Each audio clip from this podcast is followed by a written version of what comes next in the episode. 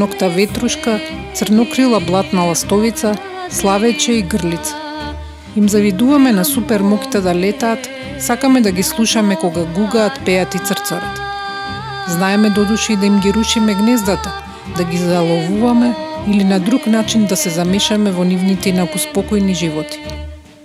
Птиците се мокен символ во човечката култура, но сепак најубави се во живо, кога само ги гледаш без да знаат дека си тука.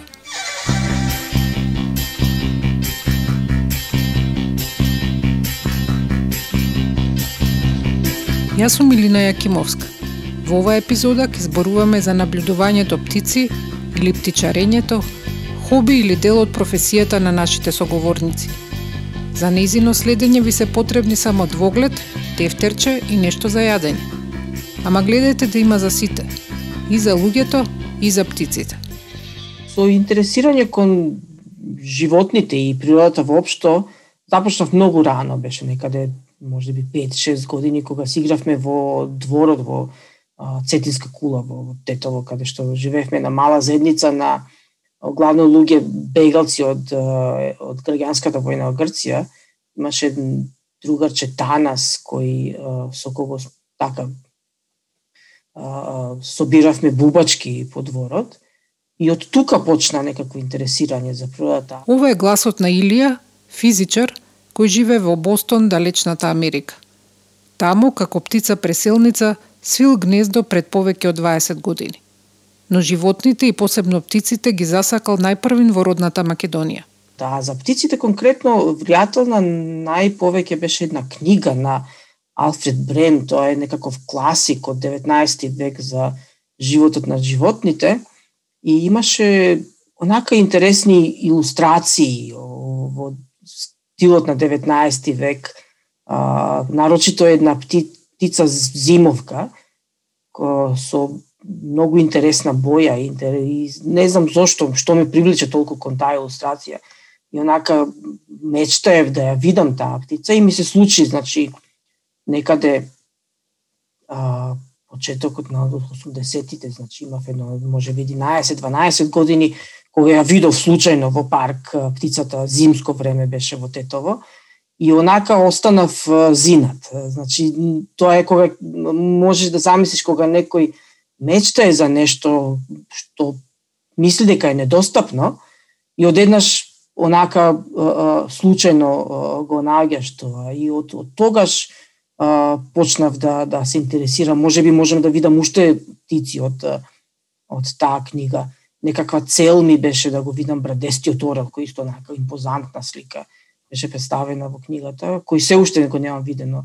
Брадестиот орел живеел а, пред не знам 20 на години во Македонија, мислам дека веќе го нема во во Македонија, мислам дека исчезнат, ама се надевам еден ден ќе го видам некаде, дали во Шпанија или во Азија.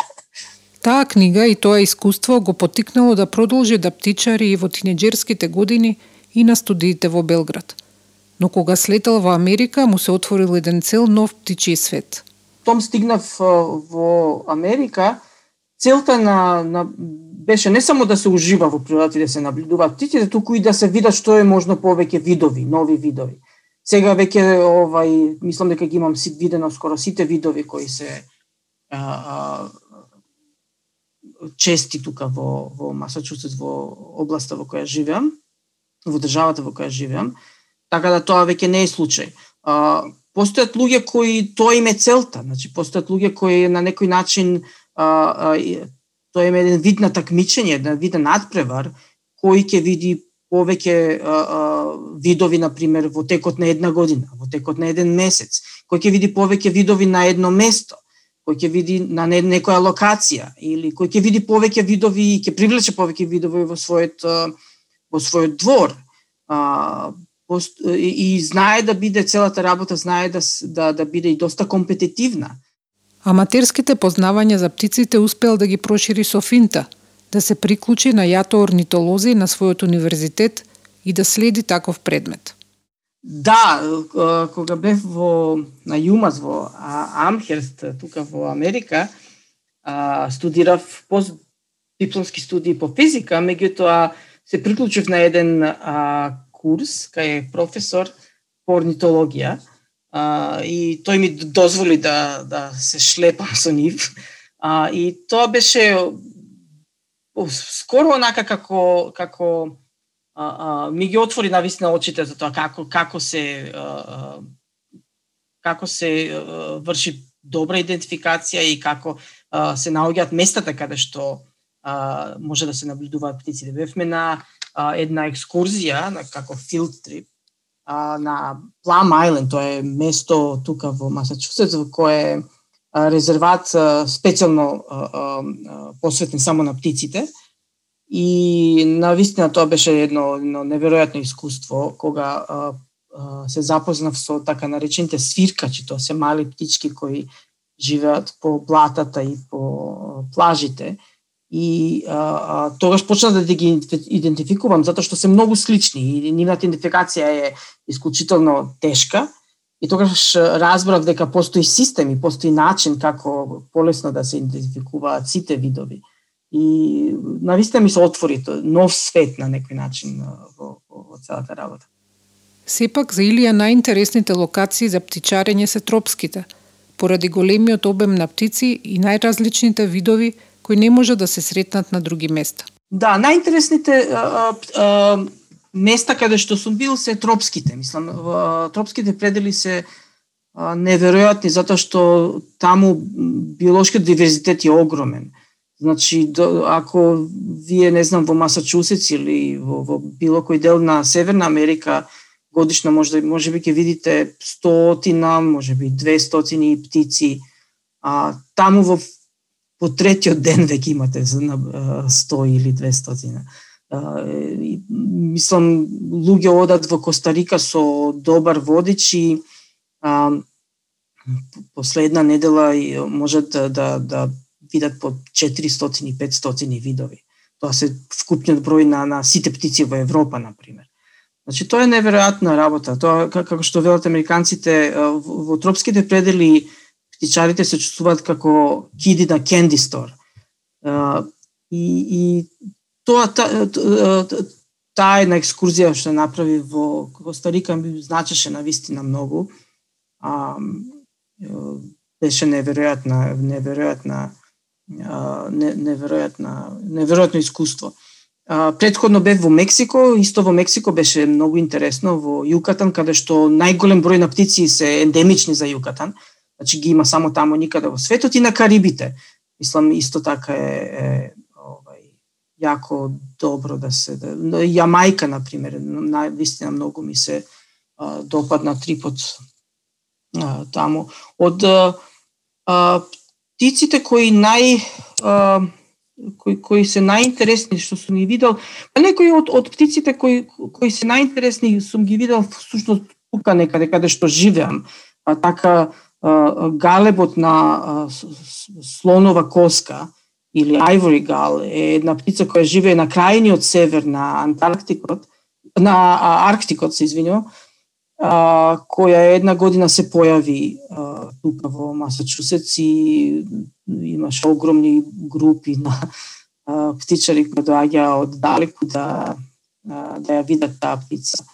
А, исто така северната а, јастреб сова, мислам ми беше една птица која сум ја видел, исто така од далекиот север, која е необична.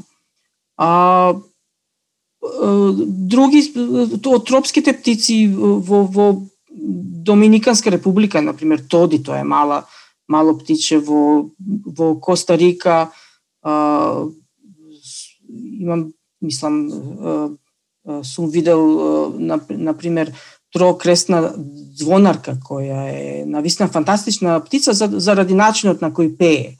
Значи нејзината песна е нешто необично, звучи буквално како некакво звук на звонче кој е и, направен од некаков синтесайзер, буквално така и така звучи.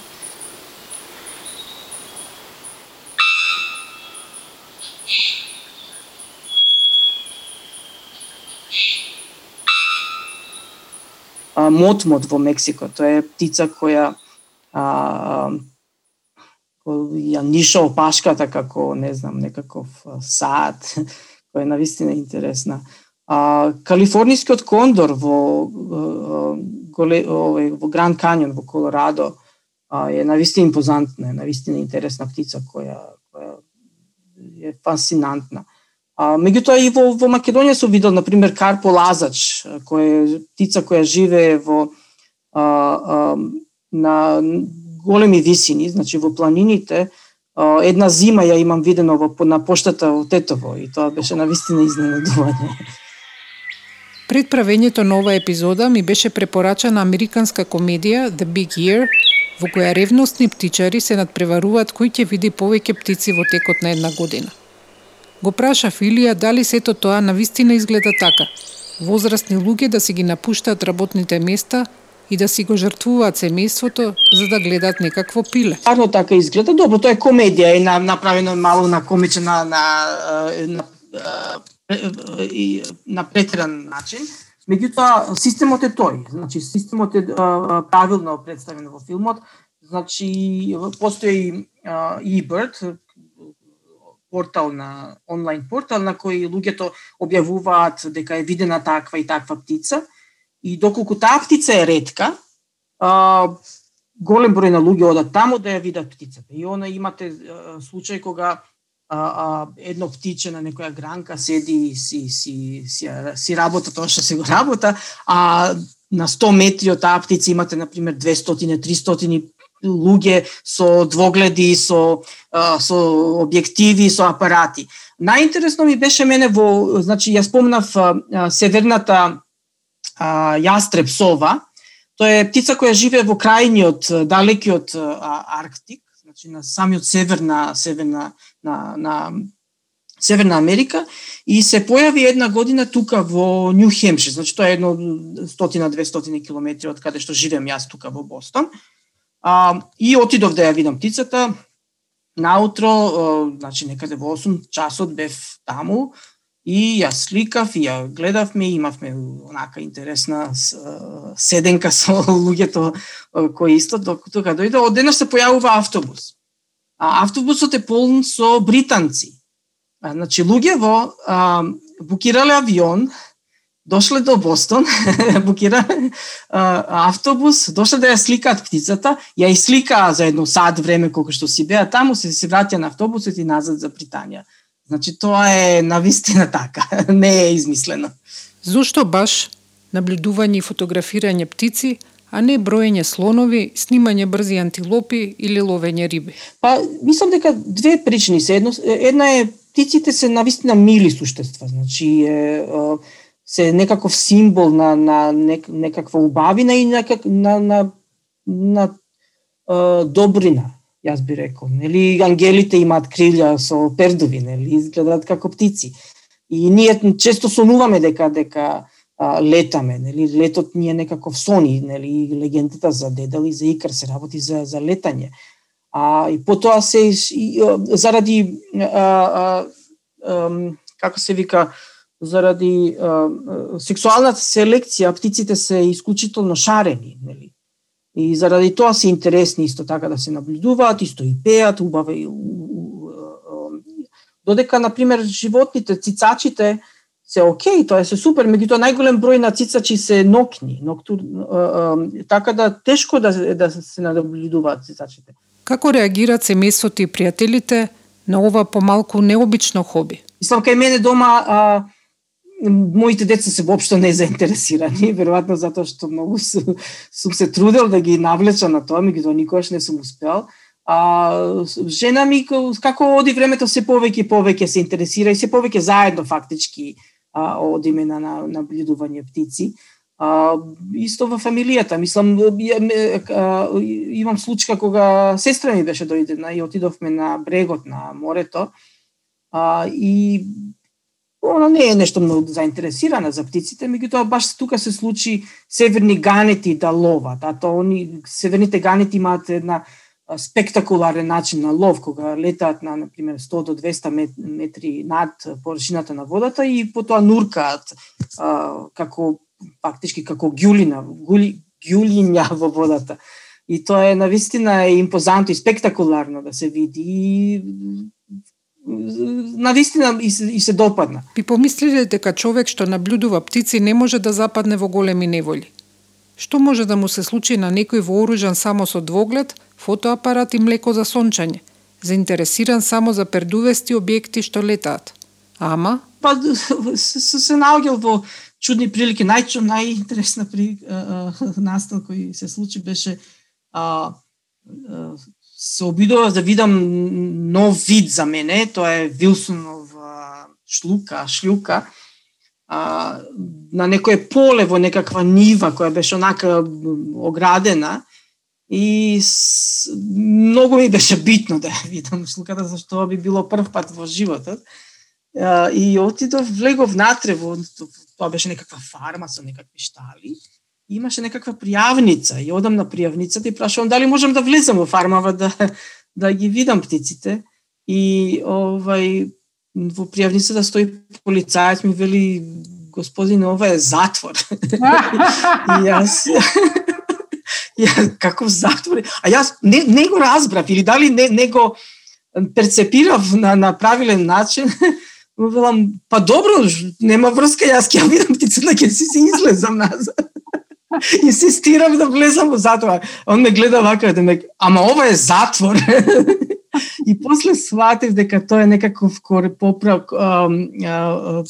дом за корекција на на затвореници, да, поправен дом каде што затворениците фактички работаат на фармата и на тој начин, не знам, се ресоциализираат и така.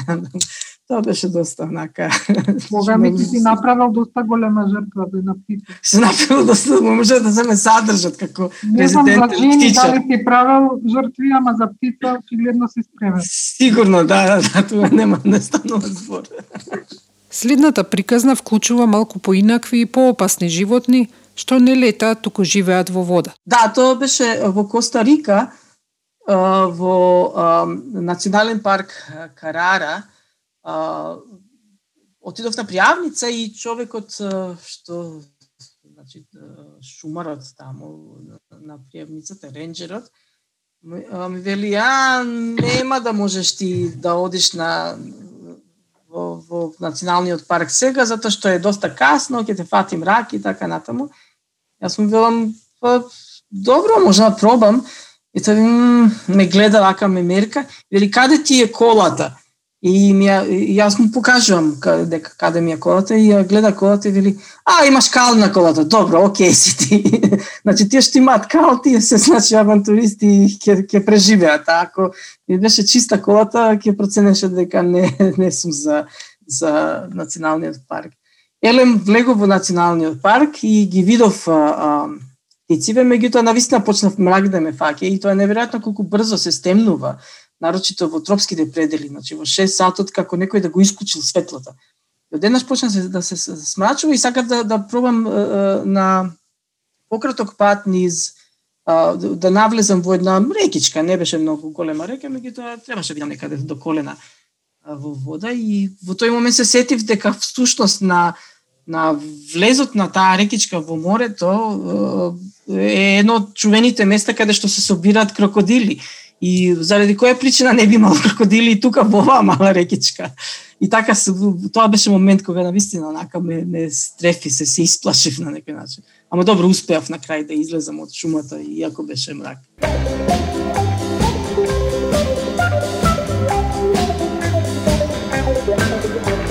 Take away the trees and the birds all have to sit upon the ground.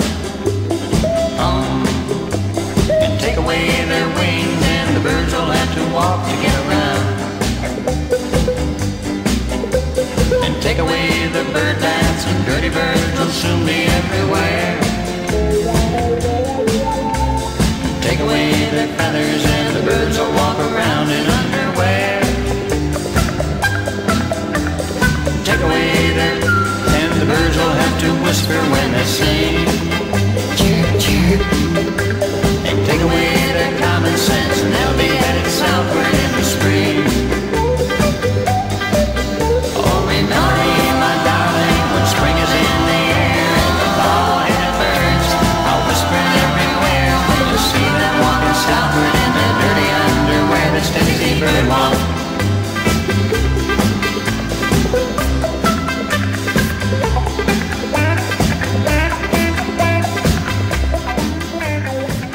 Мал, тогаш не немаше многу информации кај нас и ништо. И не знам, се на некоја тераса. имаше двоглед и тогаш гледав со двоглед и случајно видов птица. Александар Илисани е малку поинаква птица, тип африканска. Неговите службени престои како информатичар во Уганда, Танзанија и Гамбија ги искористил меѓу другото и за наблюдување и фотографирање птици но приказната Истојка Илија почнала во детството во Скопје. И после само цело време седев со двогледот, зјапав некоја птица да не пројде да ја следам, да ја видам. И тоа ми дојде како момент, знаеш, моментален беше тој, пошто немав дома двоглед, кај што бев таму имаше и ми беше интересно. И нема везе, после тоа немаш нити информации, нити ништо, тоа време без интернет, без ништо. Мали бевме. И вториот момент беше а, пред не знам колку, 5-6 години кога отидов у Мислам, се интересиравме за птици фотографиравме и тоа све, ама не е толку озбилно. Не? Имаш врапче, чавка, гулап и орел. И све друго е орел. И отидов у Уганда, кога отидов, и преку недела не работиш, на викенд одевме во некој а, парк. Е са по пат кога се возевме со возачот и гледам низ прозор од колата и гледам толку многу птици, толку различни птици до патот, значи кај нас не, нема толку многу птици као количина. И тогаш така ми дое повакво и а, имаше он книга тука у колата таеше за идентификација на птици и тогаш ми светне. Тука више ми почна тоа интересот и кога се вратив одма купив книги, нарачав од тие Collins Bird Guide, такви некои. И почнав да се да, да се интересирам поише и тука влезе Гален, средниот син што ми е со неговиот интерес и почнавме заедно да ја бркаме работата и да и да шетаме ностови, да ја фотографирам, он гледам, ги познавам многу убаво. И, и така, тимски. А еве го и срамежливиот Гален. Знам сипка, знам врапче, знам орел, златен орел и црн маршојадец знам, знам перегрин, фалкон знам, знам кулап, знам чавки пуно и тоа. Знам многу повеќе, ама не можам сите и ги кажам премногу. Приказната на Сани од Уганда се сели во Танзанија со поинтензивно наблюдување и фотографирање на за нас екзотични видови. Сани споделува и совети и раскажува зошто е најтешко да се сликаат мали птици. Во Африка, значи, а, 2017 кога бев у, у Аруша, а, значи првата недела не доаѓаше, сместуваше се тоа и после работа 4 сат 5 искачам со апаратот околу куќата кај што живев, во радиусот да речам ајде 500 метри максимум километар радиус. Првиот ден исликав, не знам, може 50 на видови. Значи, толку многу птици, толку разновидни, од тие малине love birds, што не текнува што све, ама имам фотографија, се има едни како маус, како се вика, маус bird или така нешто со, со дугачки опашки, многу интересни. И Тоа е, да речем, едниот аспект у населено место. Многу птици и многу различни и или, за нас екзотични бои интересни.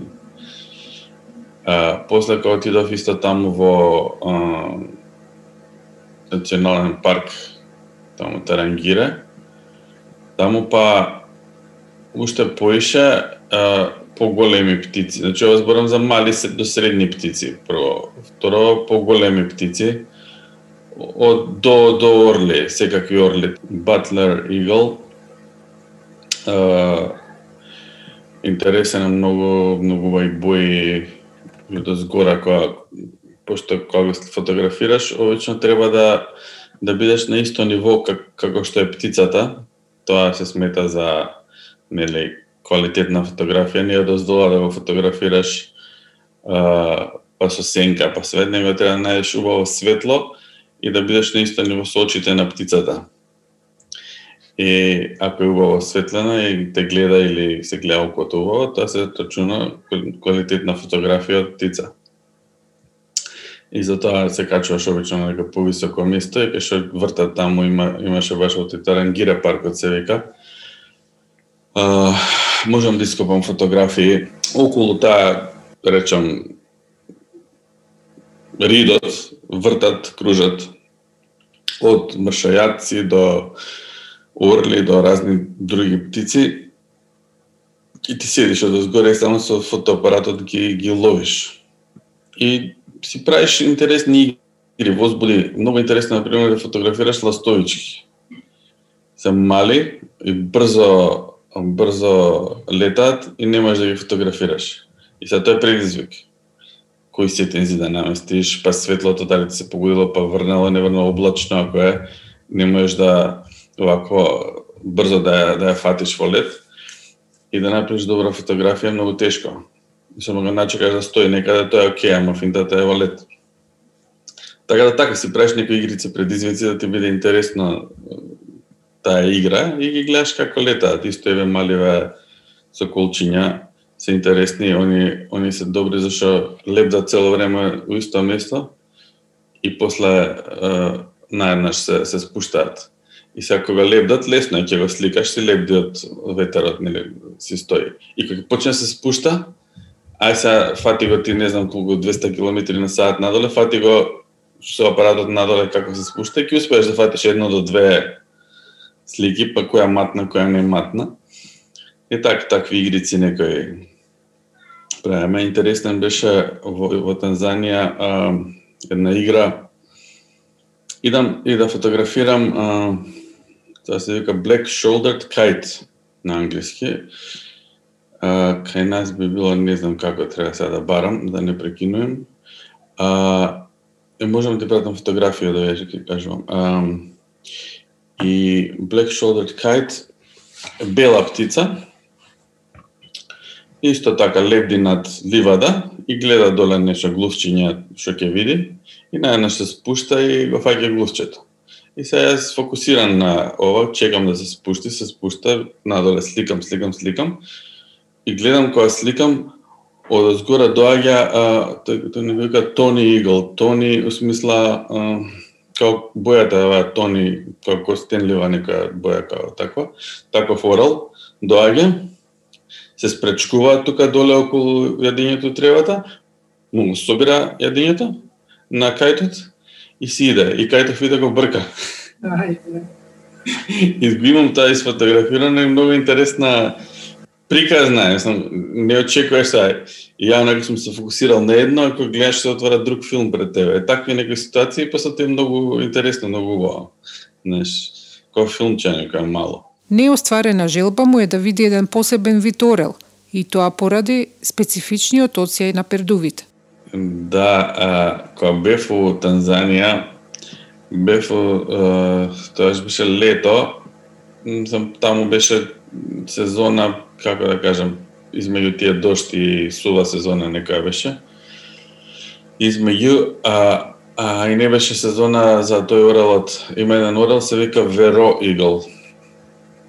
Тој е црн, црн, значи, орел, и е многу убав, нели као форма, као силуета, као и кога ќе сонцето на, на него на, на пердувите, се прави нели као виножито боите како пример као гавран, ама гавранот е по е, се пердувите не се тока стримлайн, како да кажам, силуетата. Ова е орал, ова ти е машина за, за, за убивање, нема екстра ништо features за ја јазиков.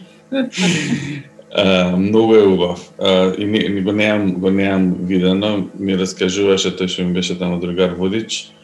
Uh, е тоа ми е желба. И тој како Илија има анекдоти за птичарење во поднаводници дивата Македонија и за пријателства со питомите и прилично амбициозни локални африкански наблюдувачи. Е, екзотично нешто што сум видел во Македонија, е битно, е а, оспреј. Оспреј е орел рибар, така мислам дека се преведува кај нас.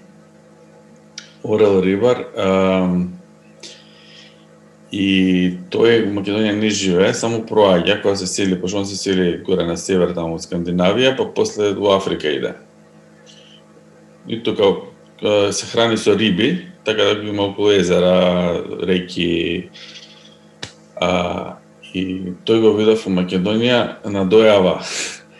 А, ми се јави огнен полен на кој исто по птиците многу, и вика ми прати видео ствари некој го сликал на тоа езерото Мавровица што го спомнав кога што бевме со Илија го го видел некој ден да пред тоа се спуштил го снимал како фаќа риба и летнал знаеш го снимал брод со со, со од ваквот од чамет со со мобилен. И утре са бајлето ајде сите. Рано се спремаме цела фамилија Ирина трудна беше тогаш. Идеме на езерото и цел ден таму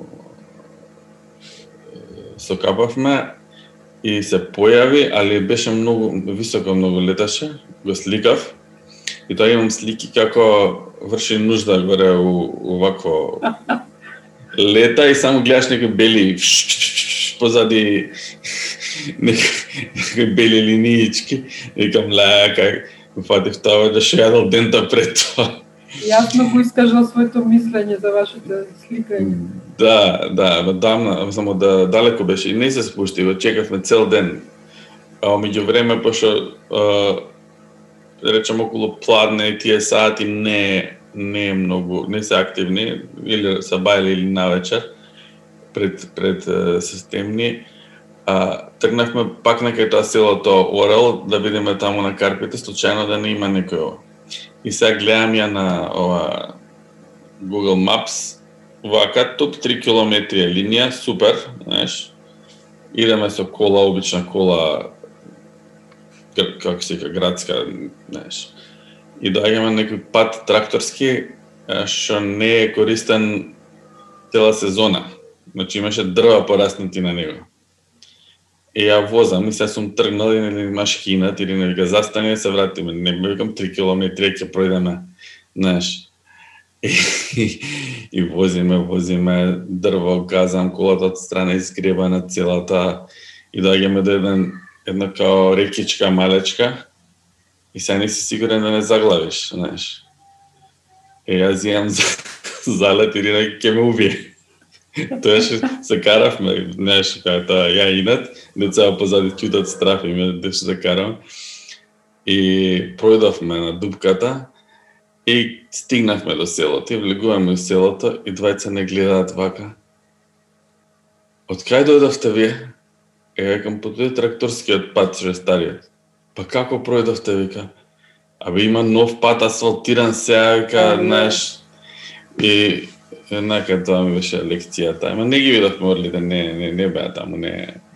Ги нема со, со години. Е, е, сега, еве ти анекдота, интересна, да. Ова пак од Танзанија е. И сега викенд беше сабота, искачам од Сабајле, викам, нема барете на моите, идам, знаеш. И сега пешки од кај што живеев и шетам по околината колку што можам далеко да стигнам и фотографирам птици по патот. И видов тама едно буфче тие бисерни бухчиња кај нас ги има малецки се. Како со точкици како бисери. И сликав и се враќам по патот идам и иде едно еден дечко африканец и ме прашува као е шо преше кај сликам птици. Ндеге, ндеге на на суахили е птица. Ндеге. И е, знаев и фрази тогаш. И вакво, и вика, ја вика се интересирам за птици и вика, и си почнавме муавет, идевме пешки по патот, и вика, мај, викам, другиот викенд кидаме негде по некој парк, можеме заедно, може. И го земав другиот викенд со мене, доаѓа, дотеран by the book Birders облека, со книга за birding, со каверот, онака, знаеш, како ние војнине платна што се така заштитено убаво, све цакум пакум со со двоглед имаше со опрема, све знаеш. И што работиш кога го прашав, он носи тури на на Килиманджаро ги искачува, знаеш, каде туристи. И тоа му е работа главен инкам, да речем. А птицеве си сака и ги знаеше пуно, имаше некои редки редки гулаби зелени, не знам какви, што многу, знаеш, ќе го видиш, ама не знаеш сега ти дека тоа е редок, па го видовме и такви некои финти ми, ми, ми кажа. Така да тоа и сега до ден денес се допишуваме онлайн сме другари. Ете, тоа е.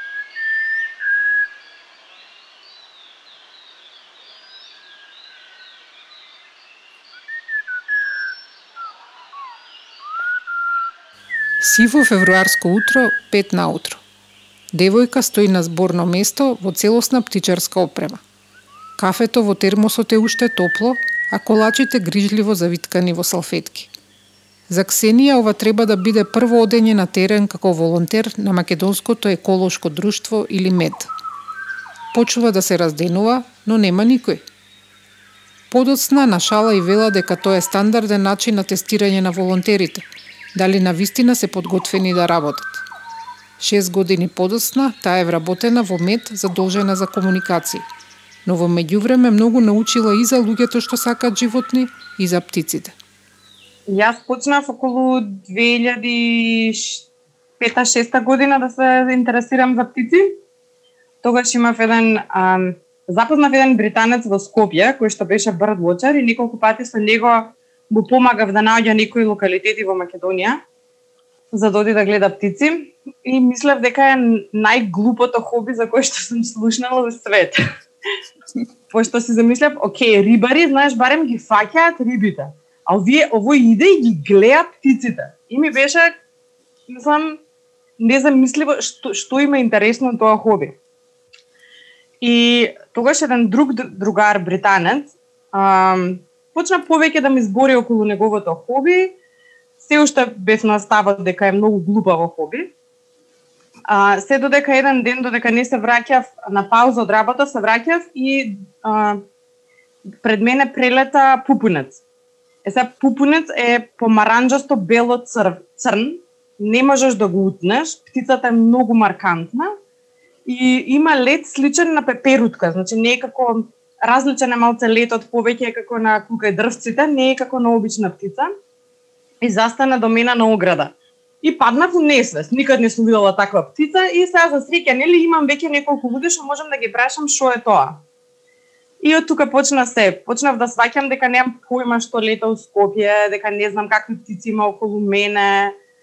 И мислам дека тука ми се уклучи нишката дека цел живот ме интересирале детективски приказни, составување на сложувалки, такви работи и bird watching ми, ми изгледаше како такво хоби. Значи, така ме заинтересира, бидејќи треба да видите форма, однесување, локација, па да склопите што може да биде птицата, која може да биде. И така почнав да загризувам те подлабоко и подлабоко и среќа имав неколку птичари околу мене, а, поискусни, а, кои што ме, навед, ме наведува што ми треба за добро да се подготвам, за добро да, да уживам во хобито, нели? Дека треба одма да најдам книга, значи а, водич за птици, дека ми треба добар двоглед, и дека треба прво да знам како се користи двоглед, иако сите мислиме дека знаеме што е двоглед, како се користи, ама прво да, да ми објаснат каков двоглед ми треба за да ако да гледам птици, како да го држам, а, каква книга е добра птица, добра книга за птици. И сето тоа. А, и мислам дека климаксот беше кога отидов во Англија конечно со другар ми на на птичарење. И тука веќе е птен, е птен бев загризана затоа што ја видов една цела субкултура која што постои таму, значи друштва, не знам, постојани апдети која птица била видена, подвидови на птичари, значи ние се се викаме птичари, ама во Англија имаат како седум термина за како вид на птичар си ти. И веќе почна да станува интересно како да сум дел од некоја заедница. А, и тогаш веќе длабоко бев загризана во во хобито и во Македонија се осеќав многу самено затоа што не знаев никој друг кој што го интересираат птици. И ам, оваа приказна стопати имам раскажувана, но мислам дека се уште ми е интересно да те раскажувам. Седевме во паб во Кембридж и се жалев на другар на другар, а, дека не познавам ни еден птичар во Македонија и он ми рече, е, би има еден мето и треба да го најдеш него.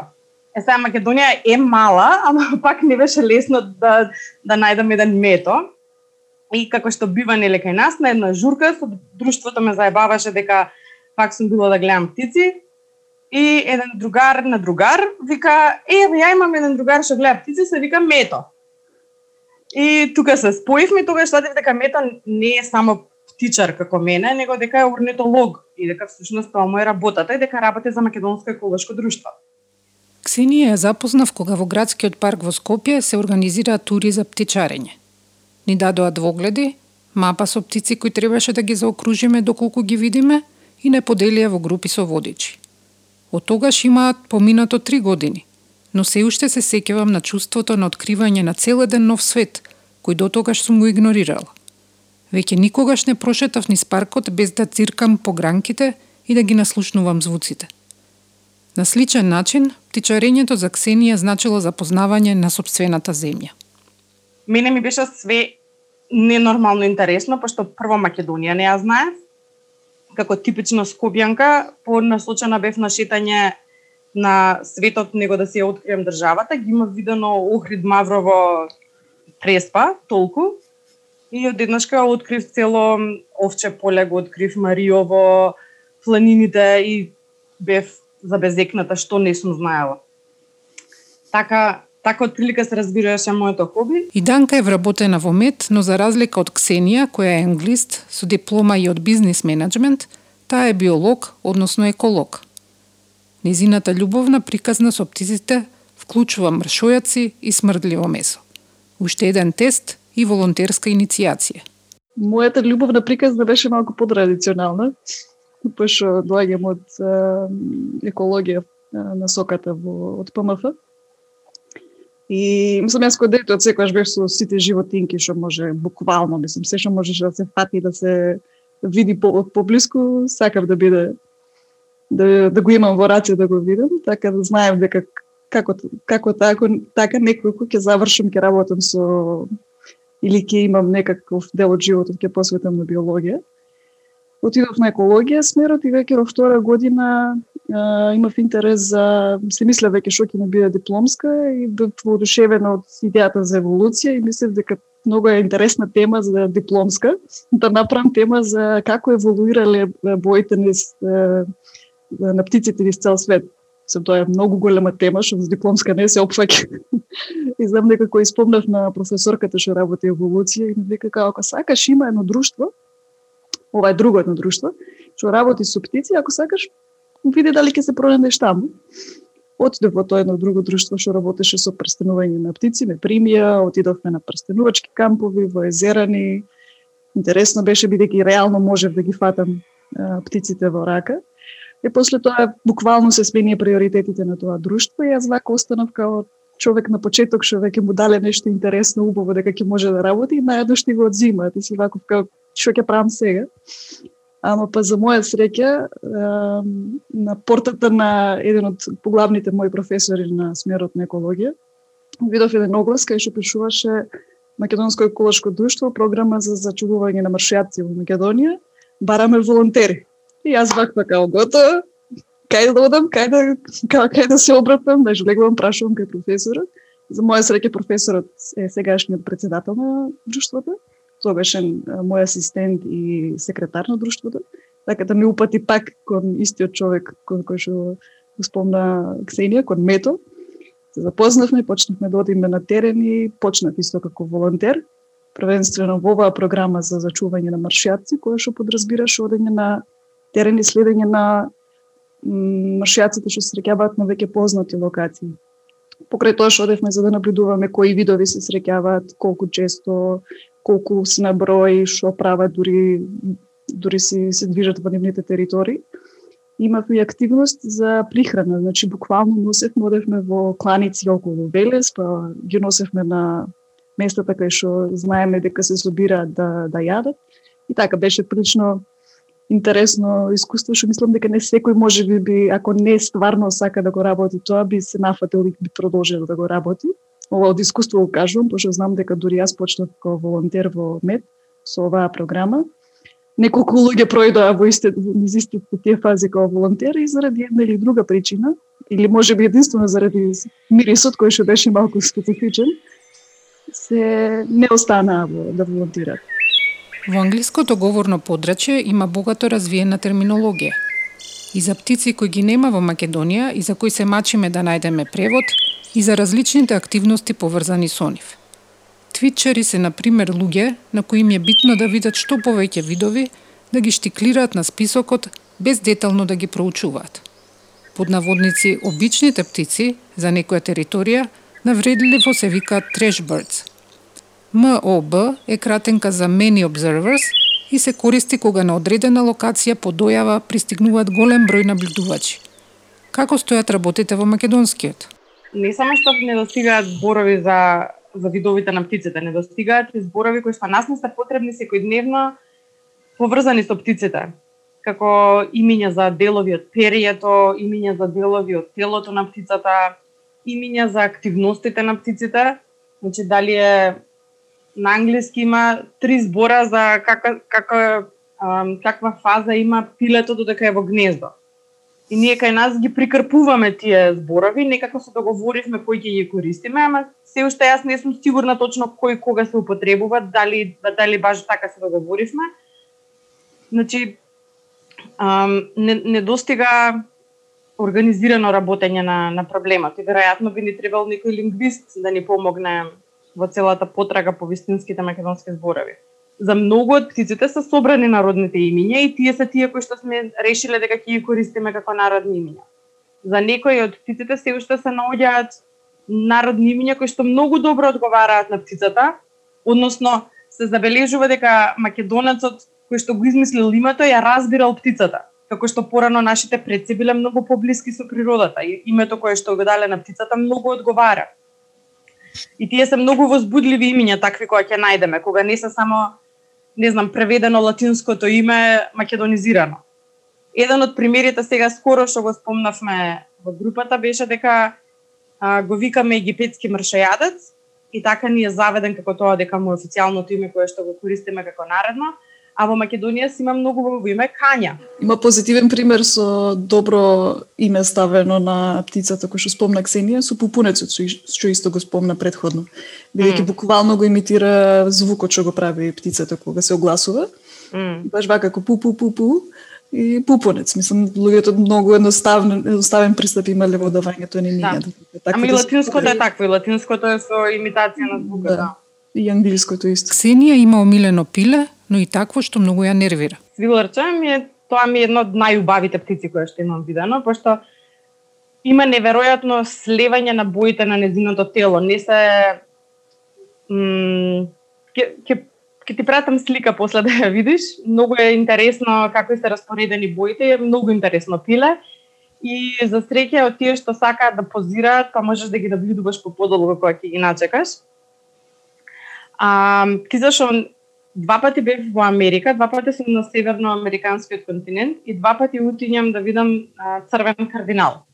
Тоа е толку честа птица, што неверојатно ме нервира и дури ми е тешко да признаам пред други птичари дека немам видено црвен кардинал. Ептен е лесен за гледање, како го утињам не знам, ама стварно ме нервира веќе дека немам видено таа птица, пошто многу поредки птици имам видено А, црвен кардинал е многу интересен, пошто едно од пилињата во Angry Birds, црвеното е црвен кардинал. Мислам, толку е честа, што дете во игра ја има, ја уште ја неам видено. Е, таа ме нервираше, неам видено. Имаше неколку птици што ме нервираа, че ги неам видено низ Македонија. И им се спремам да, да им се пуштам во потрага наскоро пак. А, а инаку, такви интересни забележувања на птици ми беше во Канада, само што слетав, а, уште имавме нели сите се прилагодувавме на времето и, и наредниот слетав на пример во 6 попладне и наредното утро во 5 сабајле имаше организирано малечка тура да гледаме птици. И тоа значи дека ја требаше да станам во 400 бајле. И сега тука тука измешани сите нели временски а, сите времиња измешани ми беа и одиме на турата. Јас сум што не знам ни кај сум, ни дека сум на друг континент, нели, возбудена максимално. И гледам ластовичка која што застанува на дрво. И ластовичката е зелена. И во оваа приказна три работи не смеат да се случат. Ластовички не застануваат на дрво и нема нема шанси да се зелени. И го гледам ова и си викам ова ми е најверојатно проблем со временските зони, нели? Уште не сум расоната. И после тоа си го отварам прирачникот, уствари може би некој од водичите кажа, имаат green tree swallow, значи нешто што личи на нашата ластовичка, не се директно поврзани, ама е зелена и стои на дрво. Кои се најголемите маки на птиците во светот денес? Изненадувачки одговор, јас сама бев изненадана. Знаев од прилика дека најголемите проблеми за птиците се уништување на нивните хабитати. Местата така каде што гнездат, каде што презимуваат или каде што живеат постојано. И но не знаев дека на прво место а, е индустриското земјоделство. Ано, ама тоа многу прави смисла, кога знаеме дека една третина од земјиштето на, на земјата е се користи за земјоделие. И не само што а, земјоделските земјишта уништуваат хабитати, туку и користењето на пестициди е ги труе птиците. Заради тоа имаше и неколку извештаи на неколку европски држави кои што ги направија изминатата години дека имаат изгубено дури до 80% од, зем... од птиците од земјоделските површини. Така да индустријското земјоделство наспроти традиционалното е број еден закана за птиците во целиот свет, ако се гледа глобално. И на второ место е сечата на шуми, затоа што шумите а, во шумите живеат две третини од сите видови на птици. Шумите имаат огромен подржуваат огромен диверзитет на птици. Тие обезбедуваат многу различни видови на живеалишта и услови за живење, заради тоа имаат толку голема разновидност на, на видови во шумите. Така да со уништувањето на шуми се уништуваат а, хабитати на многу видови во исто време. А на трето место е се инвазивните видови. Е сега кај нас ова може би толку не е јас очигледно во Македонија, но во држави каде што а, преку интродукција на инвазивни видови, како на пример што е носењето на глувци и на стаорци на некои острови каде што никаде не никогаш не постоеле, така се истребени 70% од сите истребени видови на птици се истребени заради а, инвазивни видови.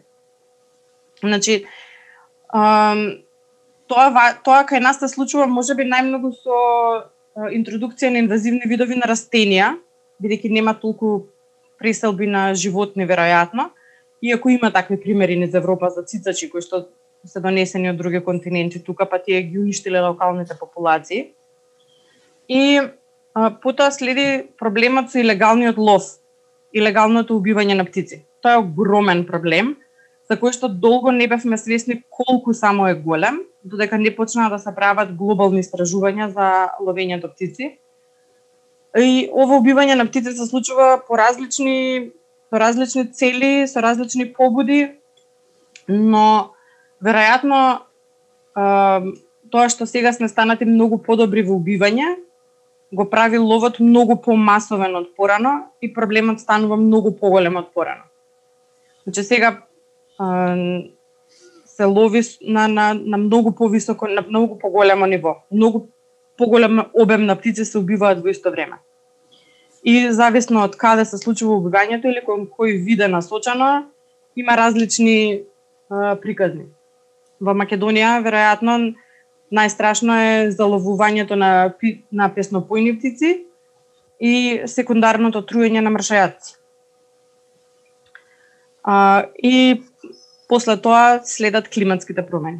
Голем дел од овие проблеми важат и за Македонија, но ситуацијата според Данка може и да се влоши во иднина но искуствата во Европа, кои што Ксенија ги спомни, не само во Европа и во светот, дека земјодел... птиците што се врзани со земјоделски површини бележат најголем опат на бројност и губење на, на цели видови од различни региони. Така да тоа го, за, за тоа сме сведоци и ние. И единствено нешто што мене лично не ми се како не ми не сакам да да се случи ако ако и кога ќе влеземе во Европска унија е за практикувањето на таа common agricultural practice која што претендира кон а, преоѓање на големи земјодел, големи земјоделски површини да се обработуваат униформно, да нема посеви од страна, да нема меги, каде што може да се кријат птици и некои такви работи, туку се да биде големо со индус... брзо да се да се обработува, многу да произведува и така натаму и тоа често носи не само користење на многу пестициди кои што исто малте не се слични кои отровите во однос на нивното влијание во животна средина и природа, туку и тоа дека се нема простор за други хабитати да се развива, туку тоа е само еден тип на униформен хабитат што на англиски се вика полдер. Илија па го спомнува необичниот случај со њујоршкиот фармацевт по име Јуджин Шифелин, кој не сакајќи предизвикал природна катастрофа со тоа што во Централ парк во Њујорк ослободил 60 сколовранци увезени од Европа. Ова било дел од негов поамбициозен план да ја донесе на американско тло секоја птица која се спомнува кај Шекспир. Да, на, секако има проблеми и проблемите нај, најповеќе кај птиците се губење на на стаништето, на хабитатот.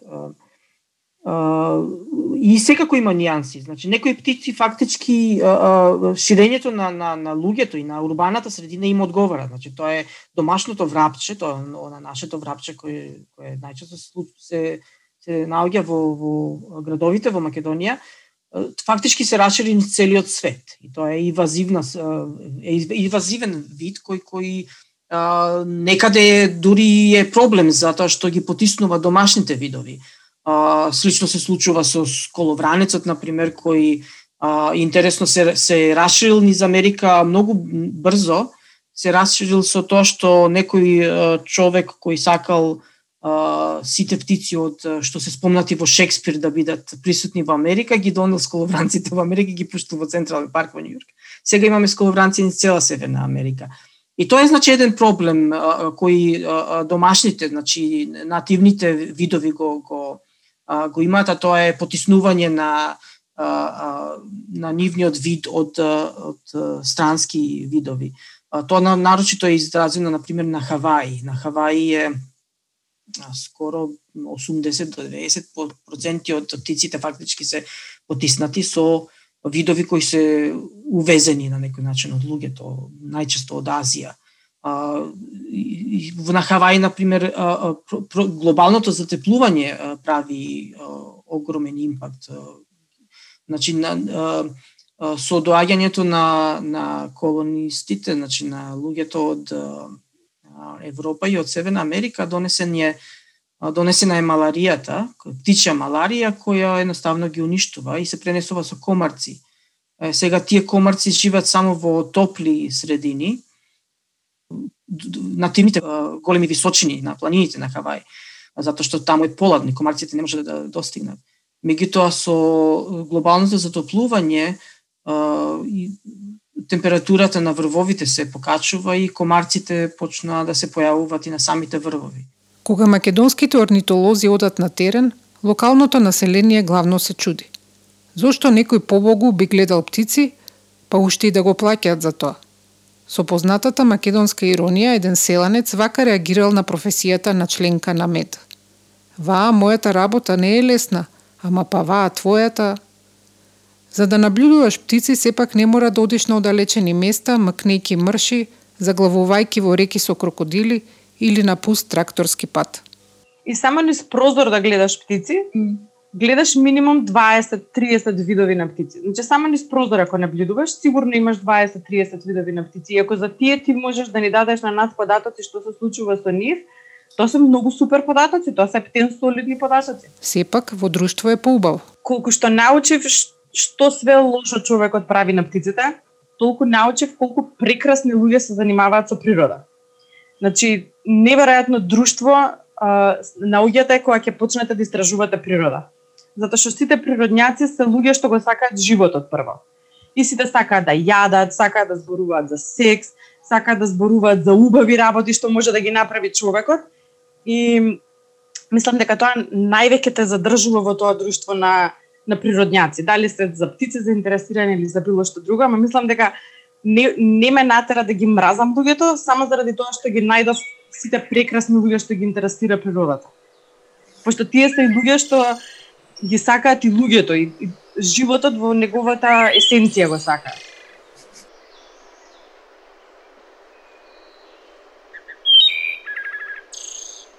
Птиците во уметноста ја символизираат слободата, но и припадноста на јатото, она големото јато на живи суштества во кое спаѓа и човекот. За нивна разбирачка е потребно малку, како што велат и стиховите на Радован Павловски. И птица шарена од далечна земја, заморена и гладна, на мојата трпеза нека слета. Нека си земе трошка леп и нека полета.